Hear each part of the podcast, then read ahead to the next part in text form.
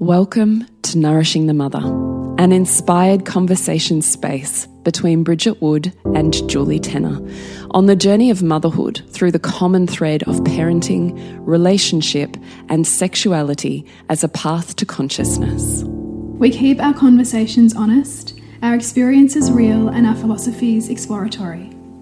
We believe that in order to raise incredible humans, we first have to raise ourselves. We know that in order to rock the family, you've got to nourish the mother.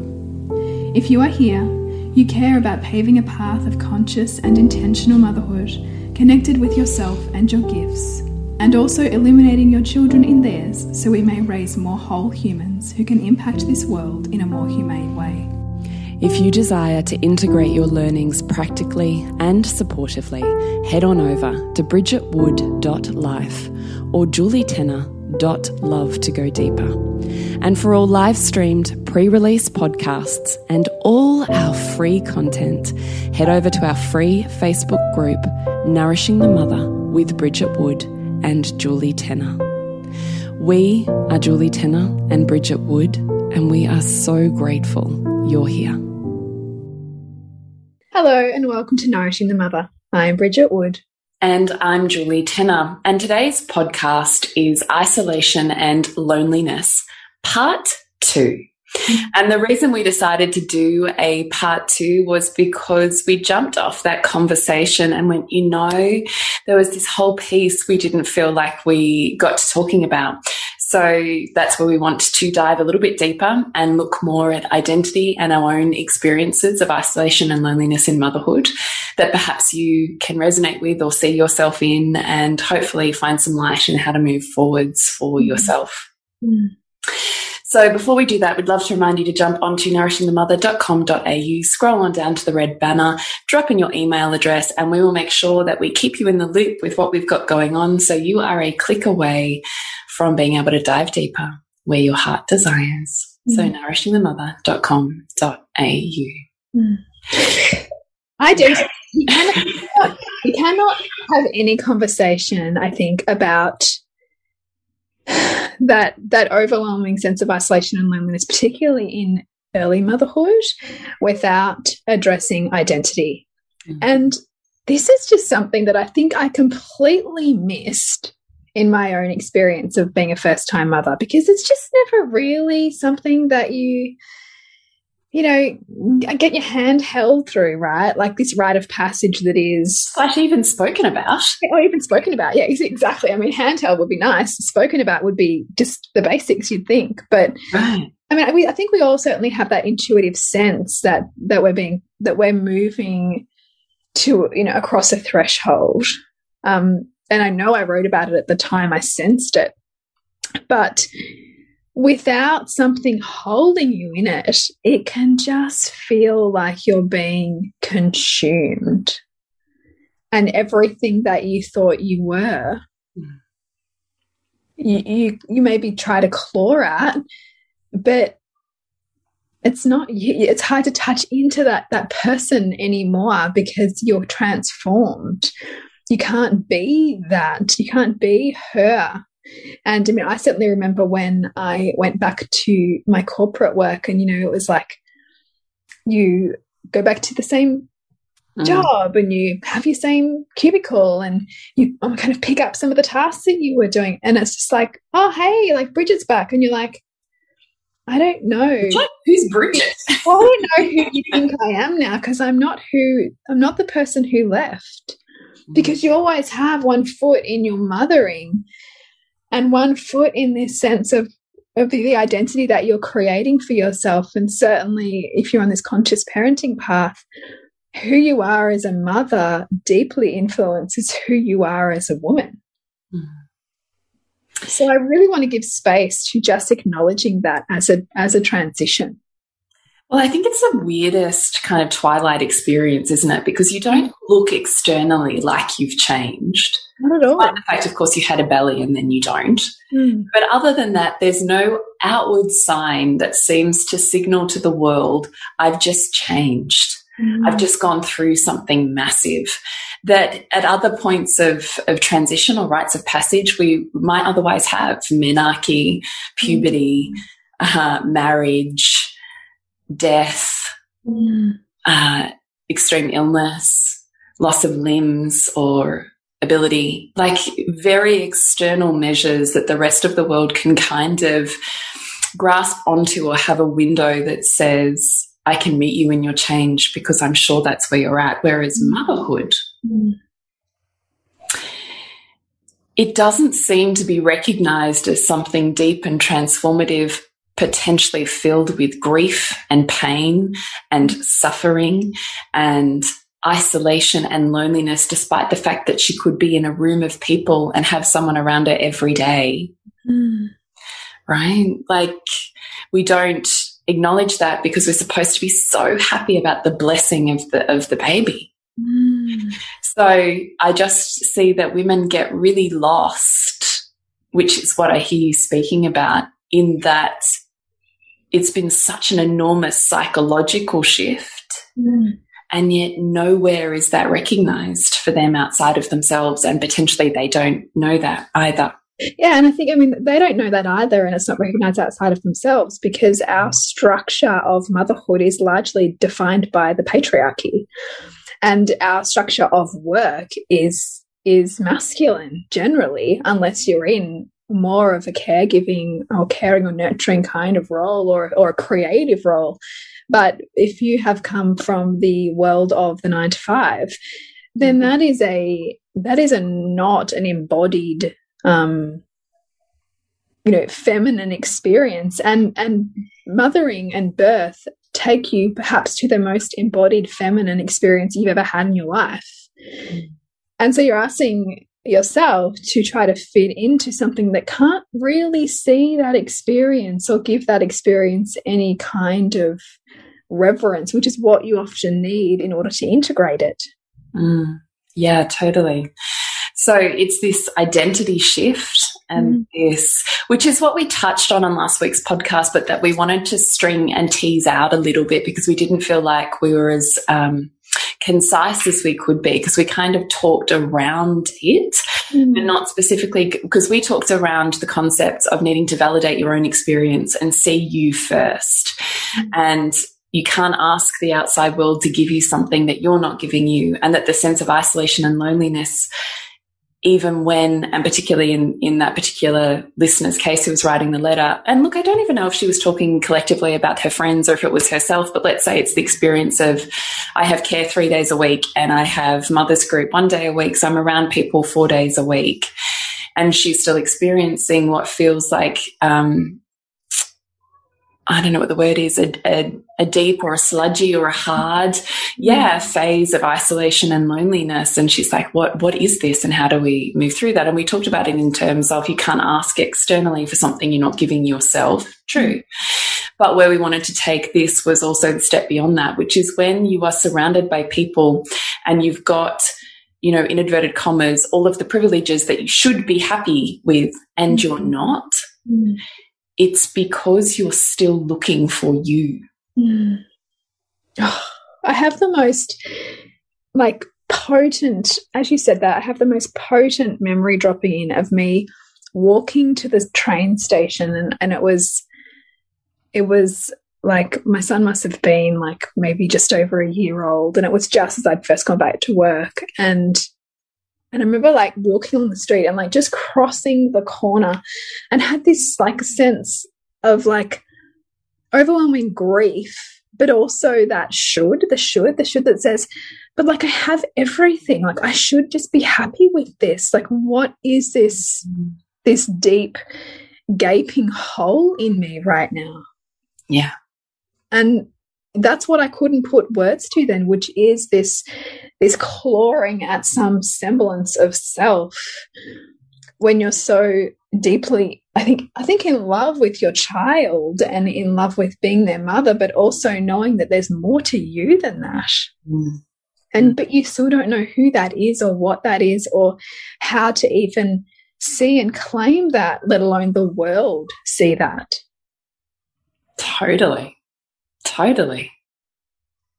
I mean, you you between the two of us that have are most recently closer to. I mean, I know Pearl's nearly two, but mm -hmm. Gwen's nearly four. So I, I, I also want to say this, listener. I know this is the most cliche thing you could ever possibly hear, but I promise it does get easier too. Yeah. yeah.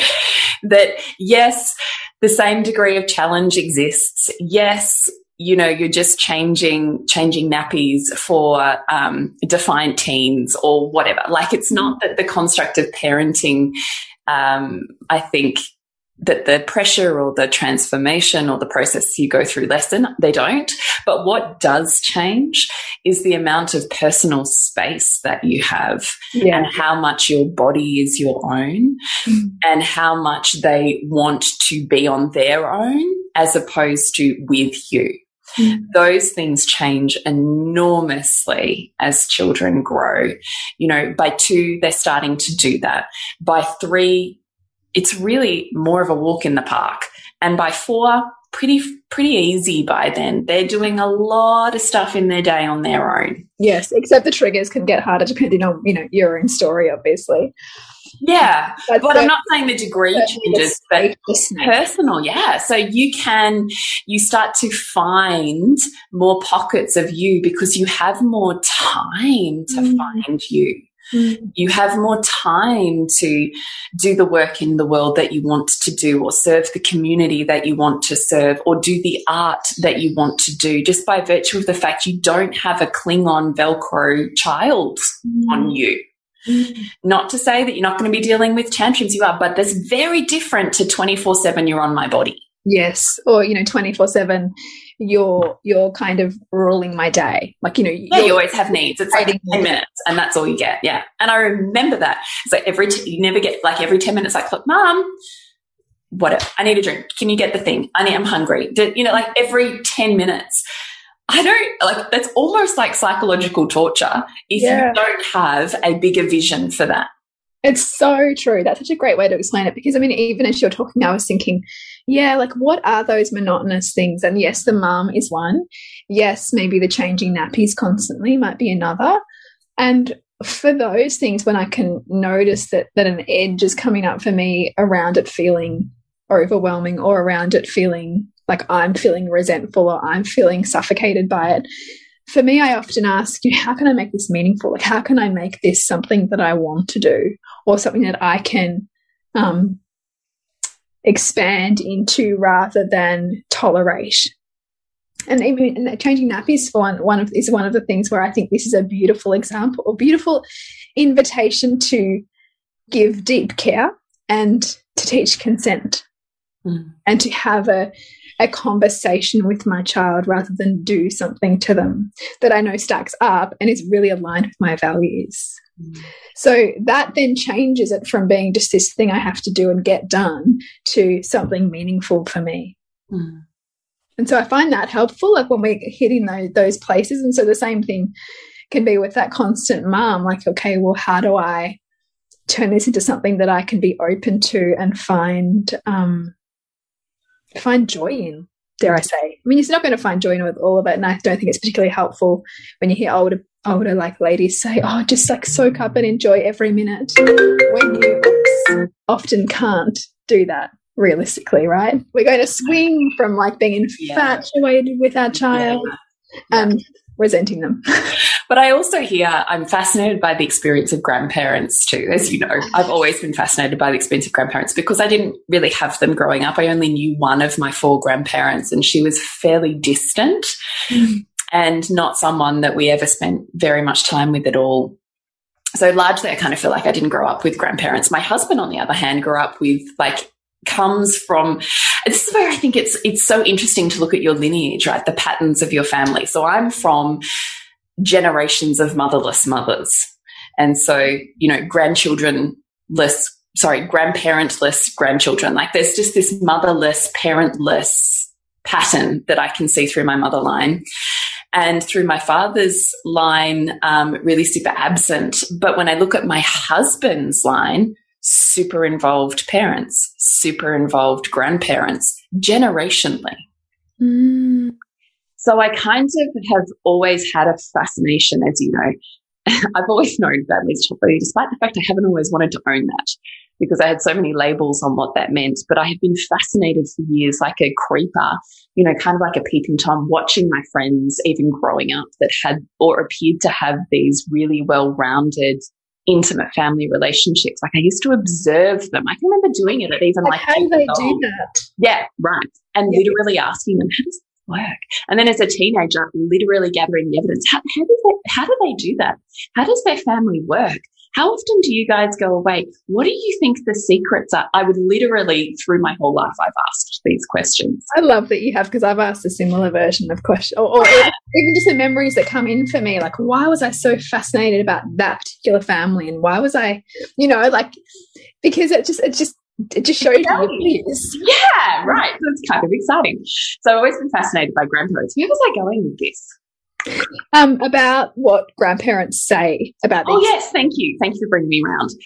And so I'm fascinated by by the experience of grandparents and what I have noticed in my um, you know very subjective research slash questioning of every grandparent I've ever seen is that it is a joyful experience and removes all of the drudgery and the suffering of parenting and all you're left with is sheer joy. Oh, isn't that beautiful? And so when I think those older people say, oh my gosh, just cherish it, it's because they have this heart yearning to be back there. This is where I, I you know, I feel like I, I try and in my mind's eye snapshot my everyday monotony in some form because one day I know I'm going to be that grandparent in the, you know, nursing home who would want nothing more than to time travel and just sit in the lounge room of the house of buzzing children and people and mm-hmm. everyone doing their own thing. Just, just the, we will miss the everyday. I won't want to go back to go to a, you know, holiday to Paris. I'll want to go back mm. just to be in the everyday connectivity that is mm. my current reality, right? Like I can feel that yearning. The mayhem. And that desire to press pause on time. Mm. So one that reminds me to be, to take moments of deep um, presence when they come around because I know I'll miss the everyday.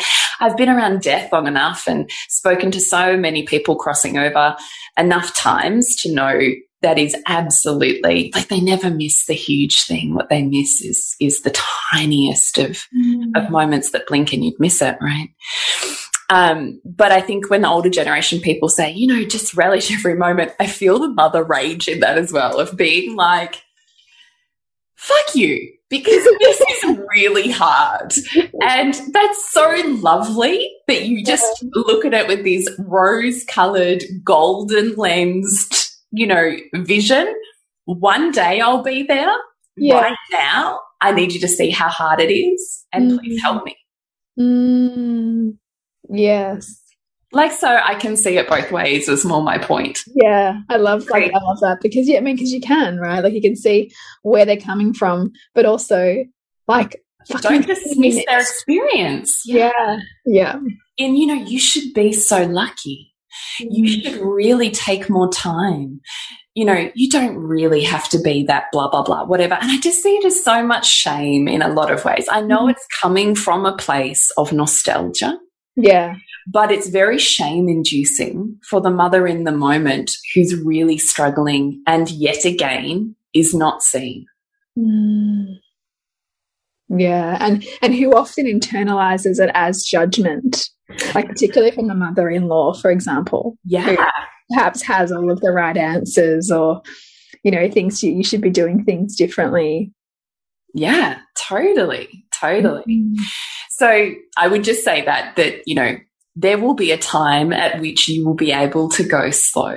And it can, I think, include the nostalgia of, of your time with your children, and it can be in a gifting back of that to your grandchildren. So I also think don't shame yourself in the here and the now because parenting is a totally different gig to grandparenting and they forget. Yeah. Yeah. They do.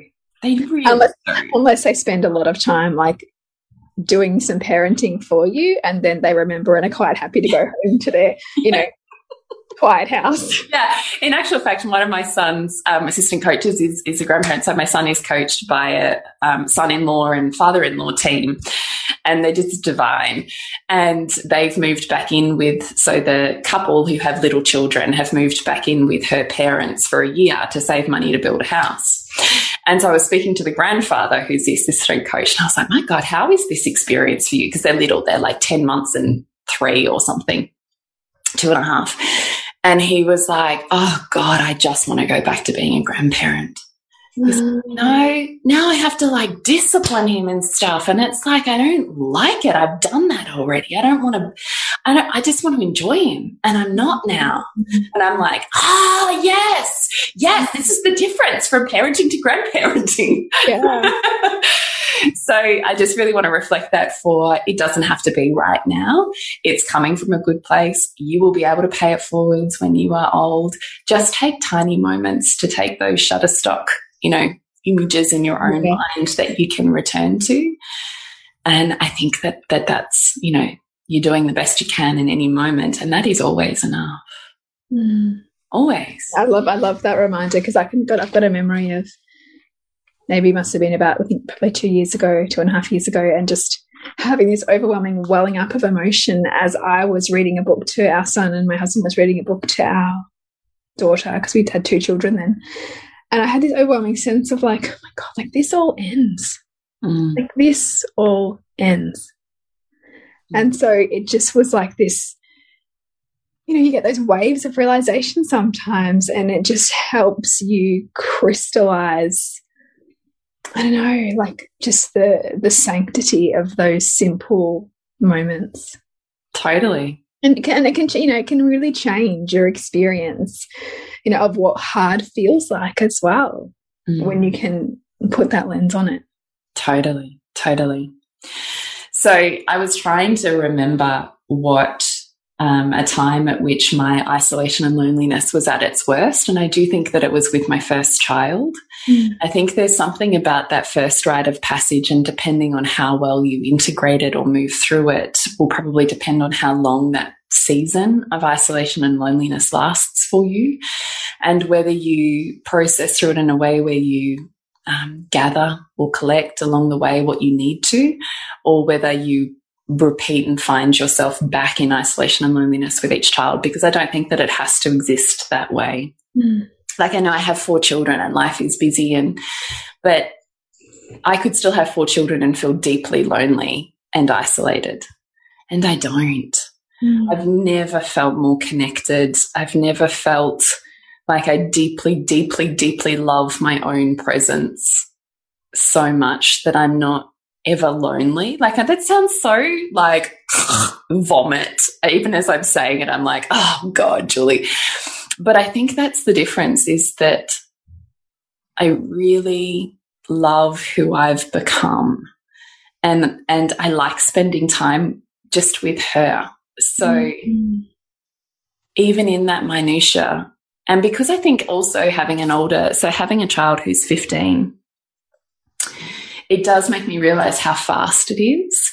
And so it does make me hold on to that almost grandparent like sense of preciousness with Gwen. So again, I mm-hmm. don't feel lonely. I just feel in this bubble. Mm-hmm. So I find it hard to sometimes place myself back there, but I have definitely been there.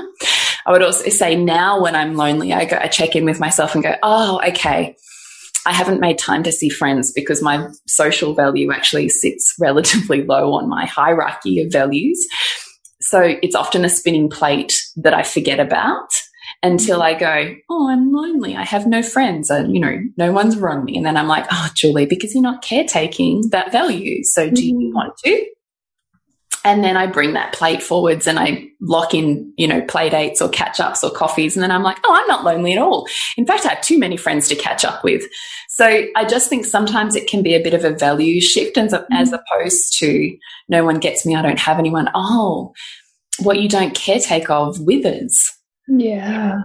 So, do you want to? And, and what you put focus on flourishes. So, look for where you're flourishing. Like, look for something that is flourishing because there will be something. Because whatever we put energy to has to grow. And then go, okay, well, what would it be like to to also direct some of that flourishing kind of energy to the areas where I feel like I'm not. And sometimes it can be combining it too. Like even lately, I've started um, training um, with boxing, and so it's like a mums and babies class. So I don't have to look for childcare mm. or look for someone to take my kids because they can be part of it. So I'm getting three values met. I'm getting presence with my kids. I'm getting my health and fitness met, and I'm getting social met. And so, like that, two sessions of that just fills me up.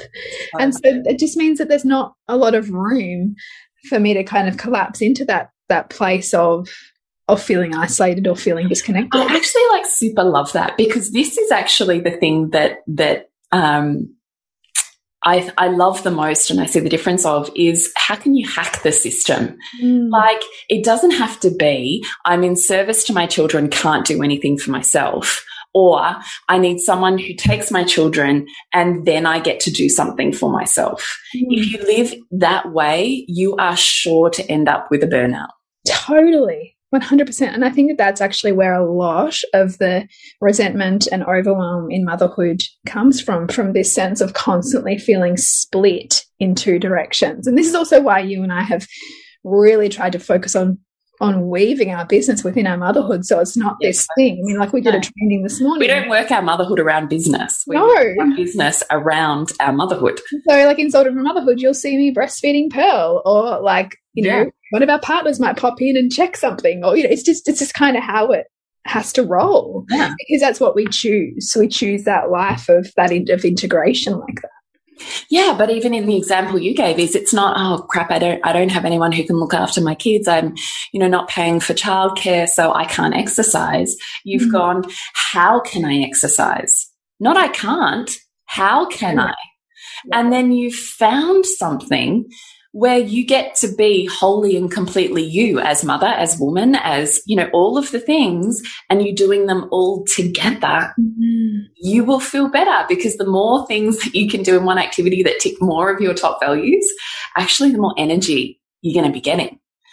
Right. Totally. Like power packing. If you imagine that every top value of yours is like a power cord, and then you're choosing an activity where you're plugging in three power cords in one hit, that shit's going to give you energy faster than anything else. Mm. It's like even um, just recently, Jules and I caught up, and the girl, um, our two girls, Gwen and Sylvie, love playing together. And so they actually set up this play date. Sylvie was like, I want to see Gwen. so good. And so we set that up. And then you and Which I. Which is actually great, Bridget, because you know I actually am pretty shit at social stuff, right? Because it's not yeah, a top value. Yeah. So I actually need my kids to do that. Thanks, kids, for that area of life. But it was great because the girls played and played and played and loved it. And you and I got to like chat and catch up on our friendship and also talk work. And yeah. so, like, so many things got met in that intro. The one totes. So it we can so feel great. really fulfilled. Exactly. So I really also just want to reflect that in this phase of isolation and loneliness too is instead of I, I can't, I would ask, how can I? Because there's always a way. There's always a way. Mm. There's always a way. It's, you know, it's just removing all of the barriers you have or all of the attachments that you have to the form that it's supposed to be mm. in order to open up into what could actually be better for you and a combination of all values rather than than just one or two. Yeah, and I think I think this is it's, it's, this is creative thinking, right? Which we're not really schooled in. It's we're really like we're really shaped by our own schooling system and by our culture. It's it's like an either or. Like there's always has to be some kind of trade off. And but this is like, but what about the and this and this? Yes, 100%. That is exactly, exactly it. So before we wrap up, I know we were going to um, only do this in a in a quick sort of podcast, I just wanted to reflect quickly our own probably experiences and where we found ourselves at so that it was perhaps you might see yourselves in in our experience. Mm. So I can definitely, definitely, definitely uh, sit with this listener who wrote into us from last week's podcast when with my first. So I had no friends with babies. So mm. I was 24 when I had Heath. So none of my friends were pregnant or having babies at all. I had no mums who helped us. So both our mums were still working full time at that point. Um, and I had a pretty fractured relationship with my mum, and I was pretty fucking edgy with my mother in law. Like, I actually had a really heartfelt moment with her several months ago where I, um, or a couple of months ago, where I reflected to her that I've really looked over the course of our relationship because now I just see actually how extraordinary she is. She still can trigger me, but what I realized is it was more my barriers to her than it had anything to do with who she was or how she is right? It was just me and my woundedness. And I can see it with the, with such clarity now that I really just wanted, I mean, she's the sweep it under the rug person. So it was a deeply uncomfortable conversation for her. But I was like, I have to tell you this thing. I'm just going to love it. because this is who I am. So, you know, I say the things that no one's supposed to say and, you know, aren't politically correct or, no, not politically, but not, aren't polite or, you know, that's me. And so anyway, so I said to her, you know, I've realized that what the reason why I struggled with you so much or with our relationship was because I, I, I had never been mothered before. Mm. And here was this woman who mothered in this like almost overly mothering, like hugely, like just kind of the perfect mother archetype. Mm the too good mother and who just wanted to wrap you up and you know cook them and you know and talk to you every day. And i was like whoa back back the fuck off lady. Like you know because it was easier to say fuck off than it was to initially feel my you know it's almost like the gremlins that protect the gate isn't it? It's like the mm-hmm. initial like ah, I can't handle it. Oh, you're so frustrating. Why the fuck do you do that? Which really is just the protective ego mm. of the mm. wound that sat behind that, that was like, fuck, mm. this exists in the world. What would that mean if I saw that or I let that in? Because I had such an identity built on being a motherless child, really, mm. right? Yeah. Anyway, so I reflected that to her and she, you know, teared up and then we quickly had to move on and, and I just smiled. And um, it made me think of myself back then as the first. So when I say I had no mother's help, I think she wanted to. But I absolutely was intolerant of having her presence around. Mm. And if I could give you any wisdom from my experience of 15 years of parenting, it would be that the relationship that you set up with your first child becomes the relationship or the set of standards or protocols or whatever you want to call it, dynamics that will continue for the rest of your life. So I locked her out. I, I made her know she wasn't welcome here, and neither was her advice and neither was her opinion. And really, neither was she, because I was so irritated by her. And really, I smoothed that over with all my conscious parenting, you know, reasons about how wrong she was. Mm. But that was just some fantastic, fantastic ego protecting, wound protecting, well cultivated schmoozy language to explain a behavior within me that I felt justified in then that now I couldn't justify. Mm. God, that's such growth. Fuck. And the reason I say that is because I wish she was more involved. Like, I, I wish that I had set a different, um, I don't know if dependency is the word, but a different context for your relationship? Yeah, maybe. I'm trying to work out exactly what the word is, but you can't be super self sufficient and not need anyone and then be pissed off that they're not helping you. Mm. Because you've made it pretty clear you're a self sufficient island and whatever you try and do, partners or parents, right, is like disappointing. Mm. And frankly, irritating as fuck, maybe even ignorant. Mm. That person. And so that person's not going to continue to, they're not going to continue to show up. Because no. because you're just meeting their hurt then and they're going to retreat. Yeah. So I set up a boundary with her that was pretty much don't come. mm. And look, that's that's been basically how it's rolled for the rest of my children. Yes, I've changed the way I see her. Yes, we have smoothed and eased and I've grown in, in heaps of ways. But had I been more dependent on her to begin with, she probably would have taken on more of a parenting role. Because I can see that's their lineage. Like her mum was deeply involved with my husband and his sister. Like they almost lived together.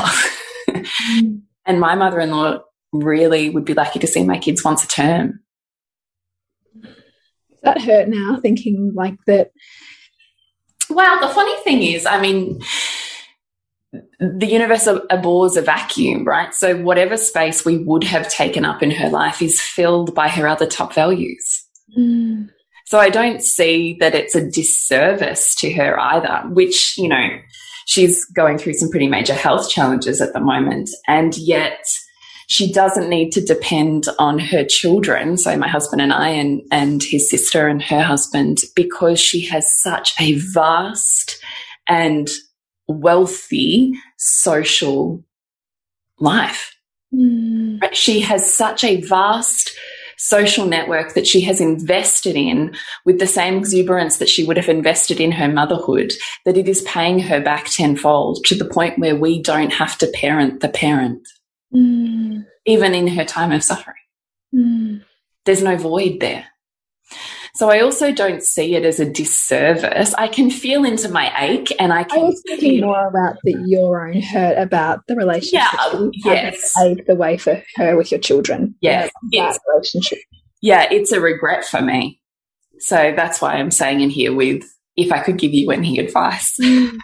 However, me back then, if you were like me back then. So, you know, no friends with babies, no mums who helped, a husband who worked 7 a.m. to 7 p.m., didn't fit in with my locals mothers group, a baby who was fussy, probably had colic, never slept. Like it was a key recipe for mental health collapse. Mm. And I don't think that that's a unique experience at no. all.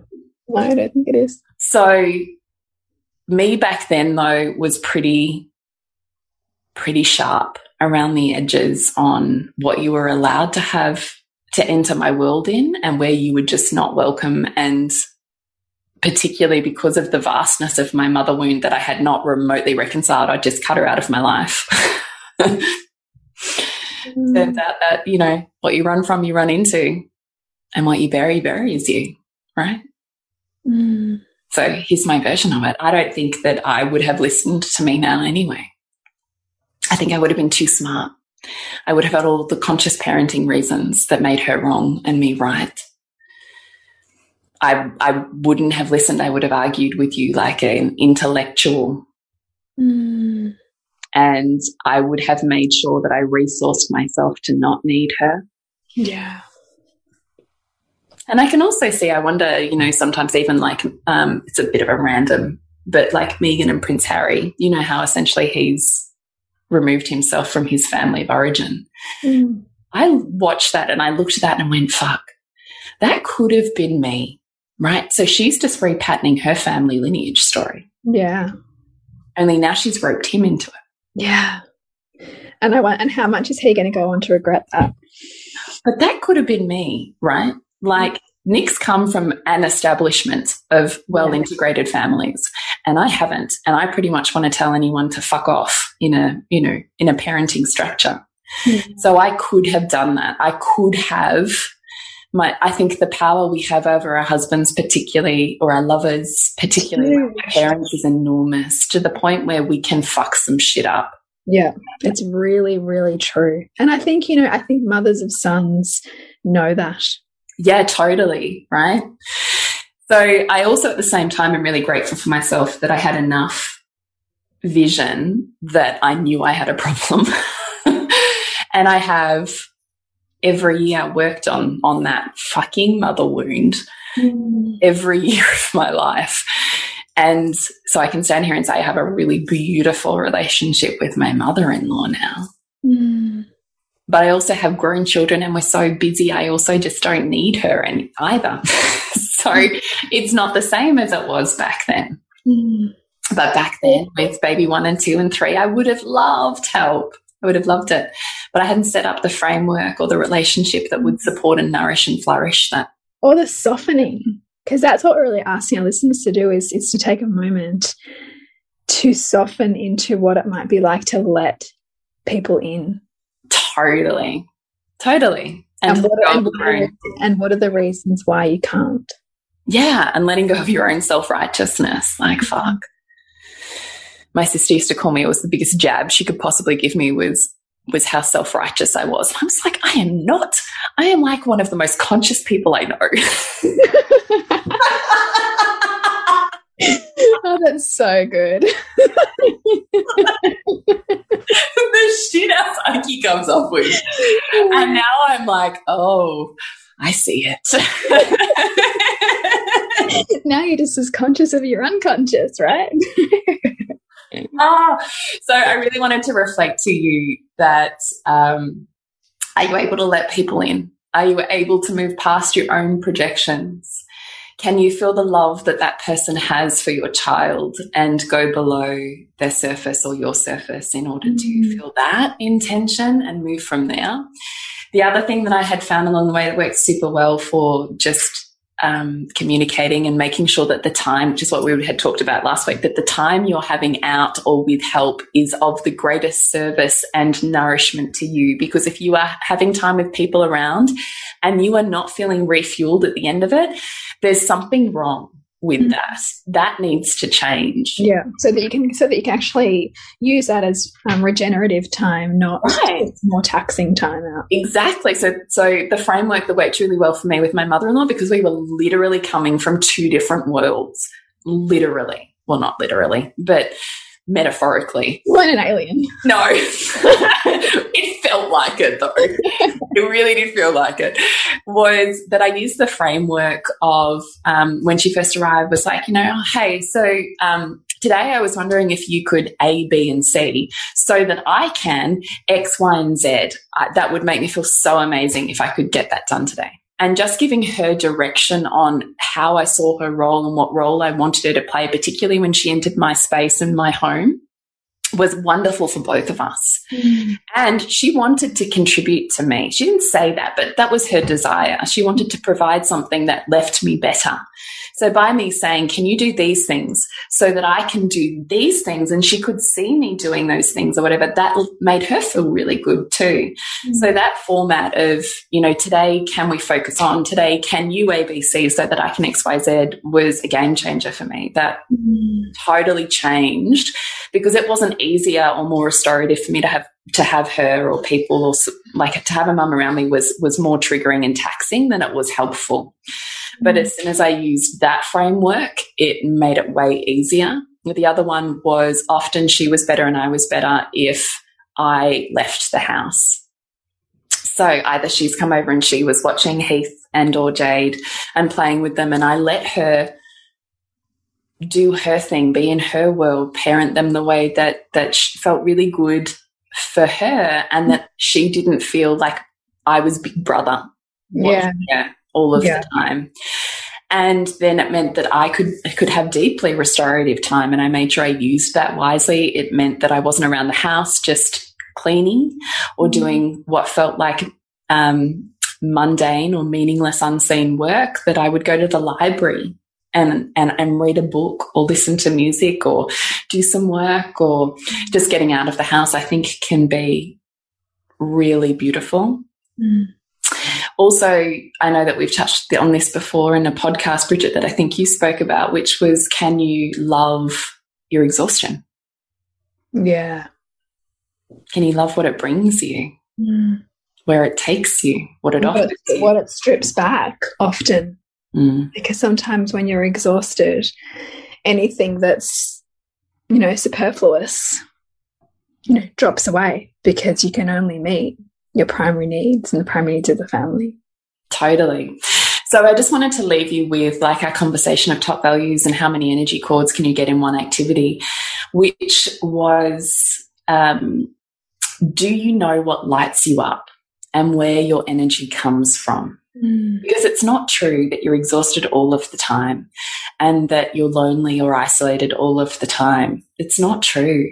Mm. There is a counterbalancing moments in your day.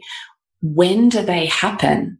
What are you doing when they happen? When you're joyful or grateful or filled with purpose and meaning and energy, when you get a zap of energy, when someone says something, when you enter a conversation around this topic, when you do this thing, it's really important. It mm. may or may not be in motherhood.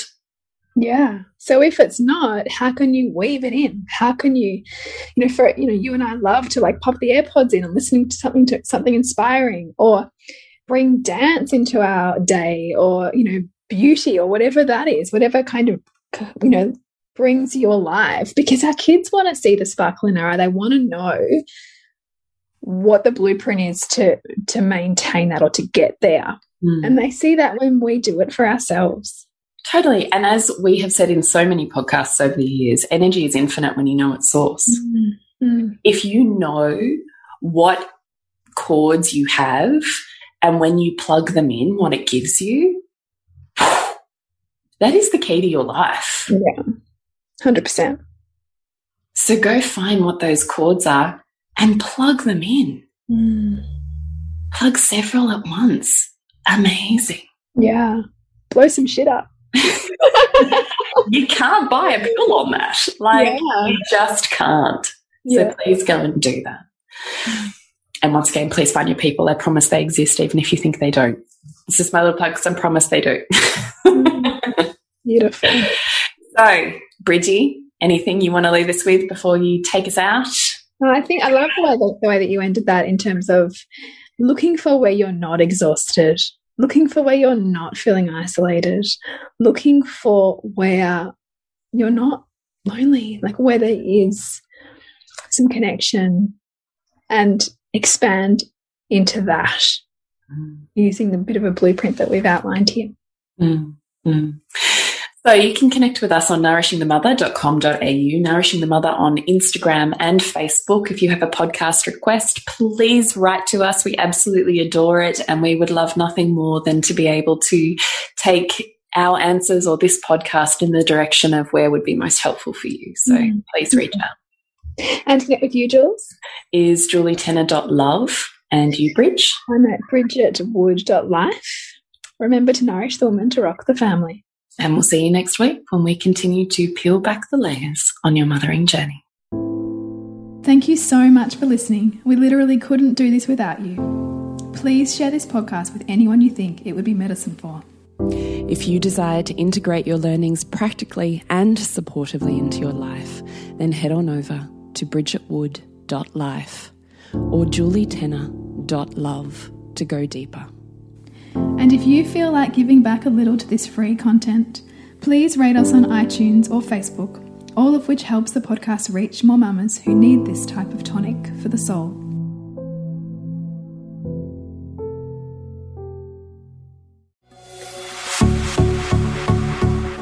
This has been a production of TheWellnessCouch.com. Check us out on Facebook and join in the conversation on Facebook.com forward slash The Wellness Couch.